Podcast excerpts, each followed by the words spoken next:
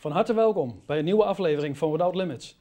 Matthäus 19, vers 26 zegt: Bij de mensen is het onmogelijk, maar bij God zijn alle dingen mogelijk. We hebben een God, Without Limits. Vandaag hebben we weer een hele bijzondere Bijbelstudie voor u.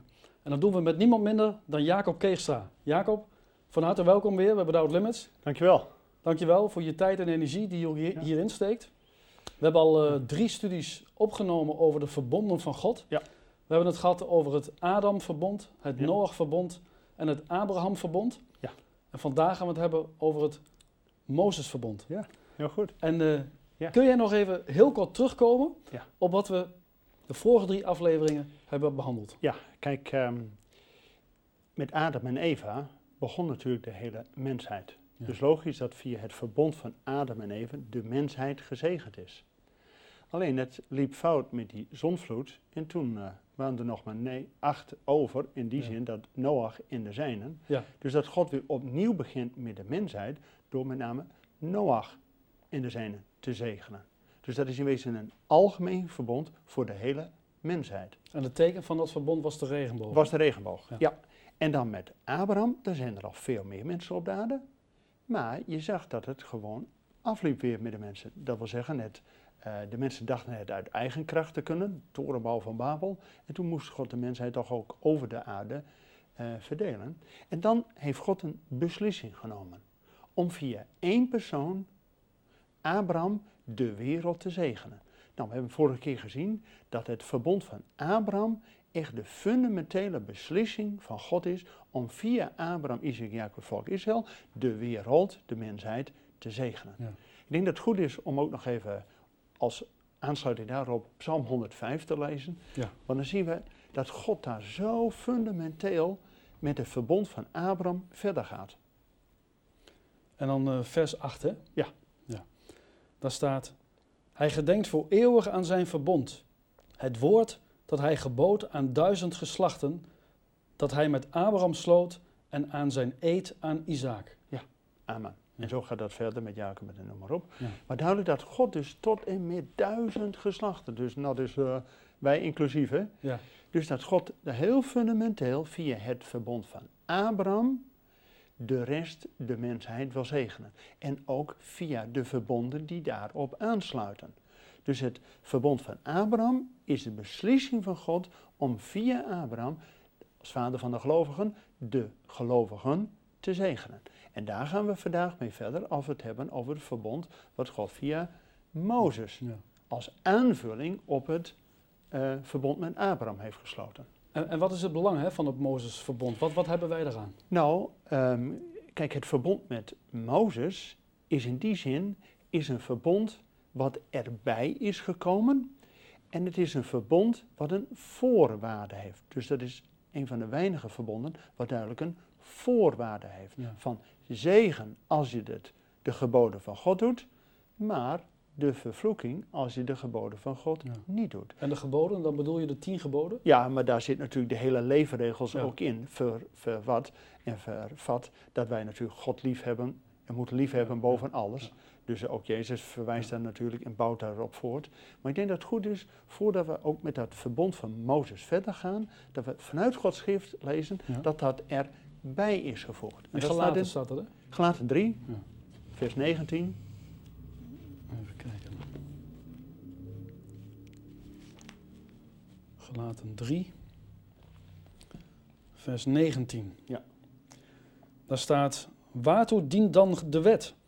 Om de overtredingen te doen blijken, is zij erbij gevoegd, totdat het zaad zou komen waarop de belofte sloeg, en zij is op de last van God door engelen in de hand van een middelaar gegeven. Ja. ja. Ja. Dus heel duidelijk, het verbond van Mozes, de wet, is erbij gevoegd. Dus God heeft het blijkbaar in zijn wijsheid nodig geacht dat wij door het verbond van Mozes iets leren. Ja. Dus het verbond van Mozes is een verbond van instructie. En wat is dan die instructie van de zegen als je de geboden van God doet? Ja. Maar je kunt ook de aanwijzing van God mislopen en bewust er tegenin doen. Ja, dan mis je de zegen. Sterker nog, krijg je de vervloeking over Ja. je heen. Zo, dat staat geloof ik ook in Deuteronomium 28, hè? Ja. Over die zegen en die Ja, vloek. Ja, en dan kies dan het leven. Ja, ja. Hè? Ik bedoel, eh, God geeft eh, via Mozes aan. Ik eh, geef je twee keuzes, de zegen en de vloek. ja, Kies dan vooral. ja. Dat Het leven. Ja, Nou, en we zullen straks ook zien wat Jezus gedaan heeft om ons vooral ook de zegen van Mozes door te geven. Maar eerst het fundament dat het verbond van Mozes erbij gevoegd is om ons iets te leren. En wat is dat dan? Want gekke is, de wereld is namelijk niet overtuigd dat ze God nodig hebben. Ja. Dat is het grote probleem. Kijk, evangelisatie is niet zo moeilijk als de weg, de grond voorbereid is Ja. dat ze God nodig hebben. ja, Nou, misschien heb je ooit van de grote opwekkingspredikers gehoord. Gebroeders Wesley en eh, Jo- eh, George Whitefield in de 18e eeuw. Nou, dat waren geweldige opwekkingspredikers. God deed er geweldige dingen. Dat, soms eh, is bekend dat die George Whitefield, die had een openluchtmeeting waar 80.000 mensen even bij elkaar kwamen. Ze hadden nog geen microfoons in, geen weet ik wat. Maar waar hadden die mensen? Ze hadden een methode. En dan denk je, nou wat is dat nou? Ja, daar is ook de kerk van de Methodisten uit ontstaan. Wereldwijd een grote kerkgenootschap. Maar ze hadden, Bestaat die nu nog? ja, ja, ja, ja, ja, ja. En ze hadden een eenvoudige methode. Wat deden ze nou? Ze, gingen, ze hadden een paard. Ja, maar waar hadden ze die, dat paard nou voor nodig? Daarmee kwamen ze van stad tot stad en van dorp tot dorp. Hè? Dat was hun vervoersmiddel. Ja. En daar stonden ze bovenop, dat was een kansel. Dan was je tenminste zichtbaar. Maar dat paard hadden ze namelijk ook nodig om heel snel te kunnen vluchten. Oké. Kijk, want wat Was, deden... was, was dat voor als de mensen het ergens niet mee eens waren? of zo? Juist, want Ja? de eerste week, wat ze deden is, ze gingen vanaf dat paard preken en ze deden niks anders als de eerste dag het eerste gebod. Tweede dag het tweede gebod. Nou, en als je al die tien geboden gehad hebt van, gij zult niet echtbreken, gij zult niet stelen, gij zult, noem maar op. Nou, de mensen konden George Whitefield wel lynchen. Ja, Ja, ik bedoel, Ja. Je, wordt, eh, je bent niet populair. Als je door de wet laat zien, dit is de norm die God gesteld heeft. Daar voldoen wij nooit aan. En dan, een week later gingen ze weg. Hadden ze de tien geboden toch verkondigd. Nou, de mensen die waren blij dat die jongens weer weg waren. Maar toch ging Gods geest aan het werk in die hart van de mensen. Een week later kwamen ze weer. En dan gingen ze het kruis van Jezus verkondigen. Van dat er genade nodig mogelijk is. Want de wet van Mozes kunnen wij niet zelf houden. Hoeveel we ook ons best doen.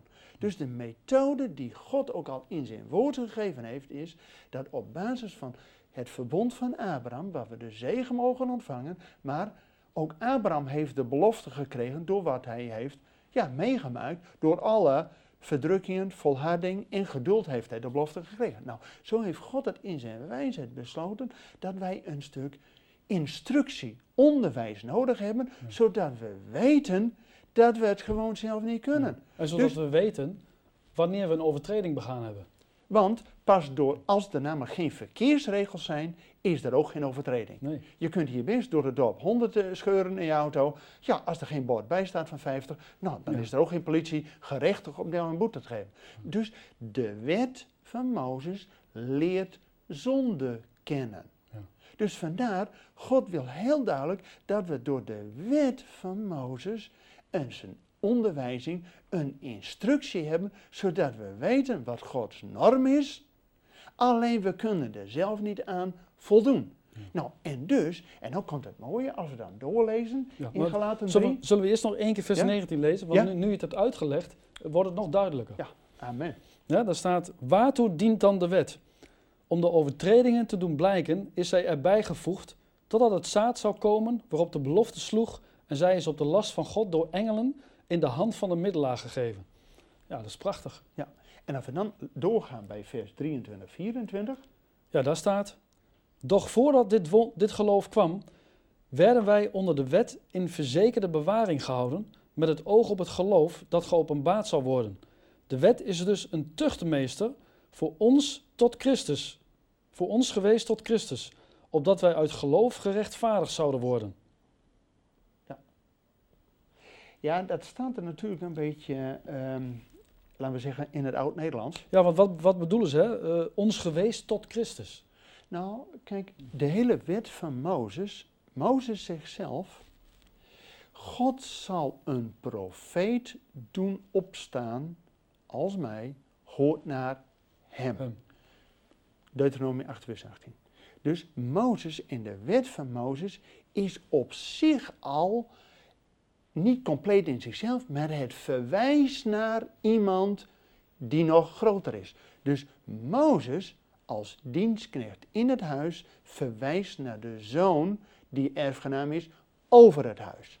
Dus Mozes zegt in al zijn bescheidenheid, de wet van Mozes, als hele totaal onderwijzing, het verwijst naar Christus.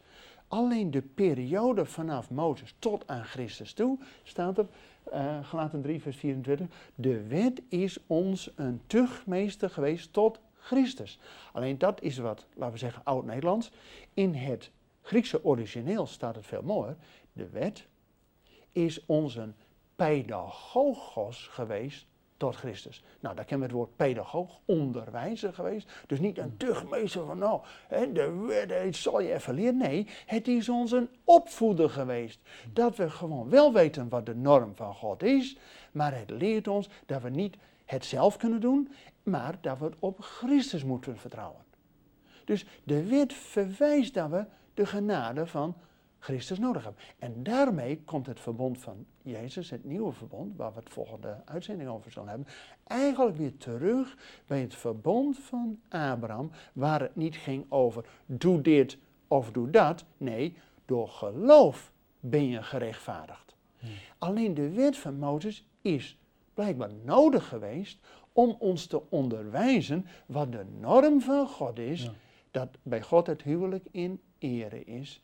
En dat alleen God onze God is. En dat het mijne is het mijne en het jouwe is van jou. Dus God heeft zijn spelregels gegeven tot een volwaardige samenleving. En daartoe is die wet gekomen. Maar die wet laat al zien, eigenlijk moet je weer naar dat geloof. En daartoe is Christus gekomen. En nou, een hele mooie tekst om dit eigenlijk als sluitstuk. Hè? Nou, nog even een vraagje. Ja? Want uh, ja, de tien geboden zie je eigenlijk ook door het hele Nieuwe Testament heen terugkomen. Ja. Alleen niet letterlijk dat er staat, uh, gij zult niet, gij zult niet dit, gij zult niet dat. Maar God wil nog steeds dat we niet stelen. Ja. Hij wil nog steeds dat we niet moorden, hij wil nog steeds dat we niet liegen. Dus eigenlijk die tien geboden, ja. het is nog steeds belangrijk dat wij ons daaraan houden.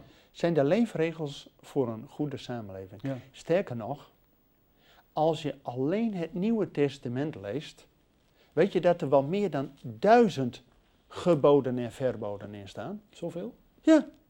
Er staat, wees blijde ten alle tijden. Ja. Bid zonder ophouden. Ja. Nou, dat zijn gewoon uh, uitroepteken. Ja. Dus een opdracht, een gebod. Geeft nou. en u zal gegeven nou, worden. Ik bedoel maar, dus als je dat het hele oude en nieuwe testament uitspeelt, je komt minstens op duizend geboden en verboden. Nou, dat lukt al helemaal niet. Om ons uit eigen krachten te doen. Daarom heeft God eigenlijk de samenvatting in die tien leefregels. Als we daaraan houden, doe dit en ga zult leven. Nou, dat is toch al een geweldige belofte die God geeft. Prachtig. He, dus, um, nou, en dan, als je dan specifiek kijkt, wat heeft nou Jezus daarin gedaan? In dat hele verbond van, van Mozes. Als we dan lezen uit uh, weer datzelfde hoofdstuk, gelaten 3, en dan vers 13 en 14. Laten 3, vers 13 en 14. Ja, daar staat: Christus heeft ons vrijgekocht van de vloek der wet door voor ons een vloek te worden. Want er staat geschreven: Vervloekt is een ieder die aan het hout hangt.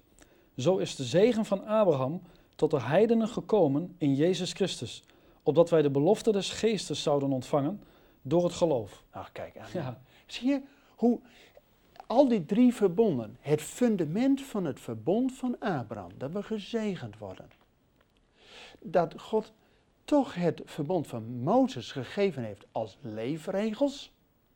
En dat Jezus dat voltooit om eigenlijk waar die wet die twee kanten geeft, de zegen en de vloek, dat Jezus die vloek weggedaan heeft, zodat de zegen van Abraham en van de wet van Mozes door het geloof ook voor ons kan zijn. In die duizend geslachten die aan Abraham al gegeven is. Dan denk je, oh geweldig toch. Ja, prachtig. Daar word je toch warm van. Want eerst was het alleen voor de, voor de Joden, ja. hè, voor het volk van Israël, maar nu ook voor de heiden. Ja, maar nu zie je dat juist Jezus, hij kwam om de belofte aan de besnedenen, dus het volk van Israël, te voldoen. Maar God zegt in het Nieuwe Testament, door het geloof zijn wij heidenen ook geënt Ja. en zijn we één nieuwe mens geworden. Efeze. Erfgenamen en mede-erfgenamen er. Wij eerst geen mede-erfgenamen, geen burgers, geen huisgenoten, zijn thans door het geloof in Jezus mede-erfgenamen, mede-huisgenoten en ja, geen bijwoners, maar echt. En ook geen vreemdelingen, maar we horen er helemaal bij. Ja. Dus door het bloed van Jezus, dat is het verbond van het Nieuwe Testament, zoals het verbond van Mozes het teken is, de twee stenen tafelen, zo zien we in het Nieuwe Testament dat ook het teken van het Nieuwe Testament is in het kruis van Jezus. Nou, daar gaan we natuurlijk de volgende keer nog uitgebreid op in. Maar het betekent dat het verbond van Mozes toch al die 1300 jaren dat het volk van Israël in het beloofde land was, dat God het toch nodig vond om hun die leefregels te geven. De zegen en de vloek. Maar kies dan het leven, Leven. zegt God. En dat zegt God ook nu tegen ons. Ja. Maar ja, als we de leefregels van God niet doen en alle ke- keer zijn de, de, de geboden overtreden, ja, dan is het ook logisch dat God zijn zegen ons moet onthouden. En nou, het mooie is dat Jezus kwam om die zegen van Abraham en die zegen die in Mozes besloten is, ook aan ons te geven. En we krijgen er nog een toetje bij ook. En dat hebben we net gelezen, dat we niet alleen de zegen van Abraham tot ook ons gekomen is, maar wij ook de belofte van de geest zouden ontvangen. Ja. En we hebben gezien dat de geest in ons woont, Ja. dat de geest ons vertelt wat Jezus heeft gezegd, Ja. dat de geest ons doet getuigen. En de geest gaat voor ons uit, die gaat de wereld overtuigen. En de geest gaat ons leiden in de volle waarheid. En de toekomst gaat hij ons verkondigen. Ja. Nou, en over de toekomst, ja, daar gaan we natuurlijk de komende keren over hebben. Want het verbond van Jezus gaat nog een tijd verder. En ik, ik las pas geleden ook nog dat de Heilige Geest ons helpt om Jezus te verheerlijken. Ja. Dat is Ja. eigenlijk de, de nummer één taak, las ik, Ja. van de Heilige Geest. Bijzonder. De, ge- de, het getuigenis van Jezus is de geest der profetie. Dus als we getuigen van Jezus, betekent dat Gods geest door ons heen werkt, dat ook wij profetisch mogen spreken. Want Jezus is niet alleen gekomen toen, 2000 jaar geleden, maar hij staat ook op het punt om weer te komen. En daar gaan we het over hebben in een verbond van David. Dat Jezus uiteindelijk gaat zitten op de troon van zijn vader David en dan zal het vrede op deze aarde zijn. Ja. Nou, en tot die tijd hebben we nog steeds nodig dat wij ook ja, door die leefregels van God steeds weer naar het kruis van Jezus gaan. Want ja, we kunnen het nog steeds niet uit eigen kracht. Het is nog steeds genade. Ja. Maar God zijn genade is overvloedig. Dus het is niet een klein beetje van nou net genoeg voor eh, vijf minuten. Nee, iedere dag volop genade. Nou, en dan zegt Jezus ook van, eh, my cup is full and running over. Wie dorst even komen tot mij en drinken in een bron van levend water zal in uw binnenste komen. Ja. Nou, dat heeft God natuurlijk allemaal door zijn verbonden met het fundament van Abraham, daarop voortgebouwd. Mozes, om ons te leren, en dan het verbond met Jezus, nieuw het verbond, dat het mogelijk wordt dat we God weer ja, in relatie met God kunnen leven. Nou ja, dan, dan is het waar we kunnen zijn. En dan kunnen we uiteindelijk uitzien naar het grote verbond van de overwinnaars. Nou, daar gaan we het over hebben. Mooi hè? Ja. Hey, en hoe leert dat Mozesverbond ons op Jezus zien? Nou, dat eh, Mozes ten eerste zelf al zegt van God zal een profeet doen opstaan uit de broeden. Hoort naar hem, maar je kent vast Lucas 9, de verheerlijking op de berg. Ja. Nou, er zijn er drie op de berg. Ja. Mozes en Elia en Jezus. Ja. Eigenlijk Mozes en Elia als representant van de wet en de profeten. Want Jezus deed niks anders dan via wet en profeten deed hij ook zijn werk. Jezus deed niks buiten Gods boekje om van wet en profeten. Dus dat Mozes en Elia daar ook op die berg waren, nou geweldig. Dus Petrus zei, nou dit mogen we, dit mogen we vasthouden hè. Gewoon vasthouden hè. Gewoon op de, we zijn een piek eh, ervaring, dus vasthouden. En dan op het moment suprem, dan is dat de stem van God er is. En dan zijn Mozes en Elia er niet meer. Dan is het alleen dat het om Jezus draait. Hoort naar hem. En dan gaat ook Jezus zijn weg naar Jeruzalem over zijn uittocht die te Jeruzalem plaatsvindt. Dus dat wet en profeten, de, de twee bodyguards zijn eigenlijk van Jezus in zijn bediening, om ook wet en profeten, dat Jezus daar in die lijn verder gaat. Nou, dan is het heel duidelijk dat ook Petrus en die, eh, en eh, Johannes en Jacobus, die mogen getuigen zijn. Maar ze horen alleen de stem van God die zegt, dit is mijn zoon, hoort naar hem. Ja. Dus zelfs het verbond van Mozes weet dat hij uiteindelijk toeleidt tot een grote genade die in Jezus gekomen is. En dat hebben we ook in Galaten gezien. De wet is met Mozes gekomen, maar de genade is volkomen doorgebroken met de komst van Jezus. Dus daarom is dat het verbond van Mozes ja, uiteindelijk toch op Jezus ziet. En dat, ja, zo zou je in wezen ook moeten preken, hè, van eh Christocentrisch. Van, eh, dat de hele Oude Testament is als voorbeeld gegeven om ons op Christus te wijzen. Maar ook Christus is niet alleen toegekomen, maar die staat op het punt om weer te komen. Dus het is ook profetisch. Ja. Nou, dan denk je van jongens, de Bijbel is één grote eh, ja, spoorboekje tot, van het plan van God. Vanaf dat met Adam, dat God de wereld geschapen heeft. Met Noach, dat God weer opnieuw begint door het water heen gered. Dat God met Abraham de zegen geeft voor de gelovigen. Dat God via Mozes de instructie geeft van doe dit in gij leven. En dat het de genade volledig doorbreekt met de komst van Jezus. Nou, en ja, dan gaat het uiteindelijk naar de overwinning wanneer Jezus terugkomt om op de troon van zijn vader David te gaan zitten. Want dit kun je toch ook als mensen eigenlijk niet verzinnen. Nee, nee, ik bedoel, dat, nee maar Ja. dat betekent ook dat al die 40 Bijbelschrijvers, vanaf Mozes, die natuurlijk de eerste vijf boeken heeft geschreven, al die 40 Bijbelschrijvers, die bouwen voort op wat God door zijn verbonden van, van Abraham en Mozes neerlegt als fundament en daarop bouwt men voort. Logisch dat Jezus ook voortbouwt op wet en profeten. Ja, Maar je ziet ook hè, dat, dat, ze, dat al die schrijvers geïnspireerd worden door Ja. dezelfde geest. Ja. Hè, de Heilige Geest. En daarom hebben wij ook de geest nodig. Ja. Om sowieso te snappen dat het meer zijn dan dode letters. Want alleen, ja, de letter dood, maar de geest maakt dit tot levend, het levende woord. En hebben we ook nodig om te onderscheiden waarop het aankomt. Want de tegenstander zit niet stil, hè? Ja. Die wil iedere keer Gods woord weer verdraaien. Ja. En we hebben vorige keer gezien met het verbond met Abraham. Dat Abraham werd op de proef gesteld. Neem toch uw zoon, Ja. uw enige, die gij lief hebt, Isaac. Ja. Nou, er zijn ook godsdiensten die verdraaien dat. En zo wordt Gods Ja. woord iedere keer verdraaid. Maar dat was ook alweer een heenwijzing naar Jezus. Ja, ja, ja. Dat eh, Isaac, natuurlijk de zoon, die liet zich ook offeren als een heenwijzing naar Jezus, die werkelijk het lam Gods was, die er niet, eh, ja, die moest het echt ondergaan. Ja. Maar goed dat Jezus het voor ons heeft ondergaan, want anders zouden wij die genade niet gekregen hebben.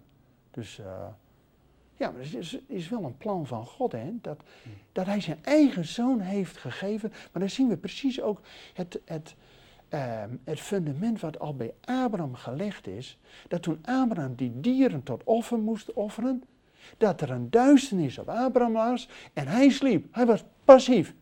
Maar God ging door dat offer heen. Met andere woorden, het begint niet bij ons geloof, dat wij zo nodig, wij kunnen zo goed geloven. Nee, het begint bij God. En dat mogen wij door het geloof beamen. En God daar ook op, zeg maar, vastbinden aan zijn belofte van God. Wij hebben het af en toe verprust. Vergeef ons, maar we willen u wel houden aan uw verbond. Nou, en daartoe is ook Jezus gekomen, dat we door het geloven in het offer van Jezus, dat we ook God weer aan zijn verbond mogen houden, dat Jezus kwam om de zegen van Abraham aan ons te geven, plus nog een toetje van de Heilige Geest. Ja. Want die hebben we gewoon nodig, Ja. anders, anders houden we het niet vol. Ja. Ja, Prachtig. Dat, eh, dat vind ik geweldig. Nou Jacob, Ja. het is een geweldige studie. Ik, ik ben ook zo blij met jou, want, want je legt het ook altijd zo rustig en zo duidelijk uit. Ik hoor ook vaak in het land van, eh, ja, die Jacob Keegstra, dat is wel fijn om naar te luisteren. dus dat is een bemoediging voor jou. Ja, dank je. Maar eh dat is echt fantastisch. Nou, we hebben nog een paar minuten, drie minuten. Ja. Kun jij nog even in het kort vertellen wat we volgende week gaan behandelen? Ja, volgende week natuurlijk het centrale eh, verbond, het nieuwe verbond door het bloed van Jezus. Ook wel het Jezusverbond, of natuurlijk bekender als het nieuwe verbond. Maar die sluit natuurlijk naadloos aan op de verbonden van Abraham, van Mozes. Want Mozes verwijst naar Jezus. Dus wat Jezus kwam doen is het verbond van Abraham weer volledig te laten gelden. Door ook die vervloeking van het Mozesverbond weg te nemen. Zodat de zegen helemaal door kan gaan. Zodat de, de relatie, de, de weg tot God weer gebaand wordt. Hebreeën zegt, ja, door het bloed van Jezus is de weg gebaand en mogen wij met vrijmoedigheid tot de troon der genade komen. Ja. Nou, bedoel, Daarvoor kwam Jezus.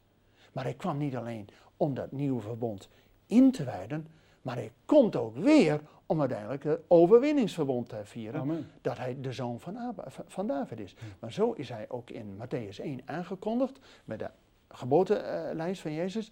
Jezus, de zoon van David, de zoon van Abraham. Zie je dat God ook helemaal door Jezus heen het verbond van Abraham en uiteindelijk overwinning in het verbond van David helemaal in Jezus werkelijkheid laat worden? Nou, daar gaan we volgende keer verder over Prachtig. door.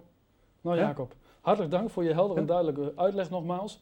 En eh, nou, we zien je graag volgende week weer terug, waar we weer een nieuwe aflevering gaan doen. En dan over het Nieuwe verbond. nieuwe verbond. Zo, Amen. dat is de titel, hè? Ja, het nieuwe ja. verbond. Het nieuwe verbond. Ja.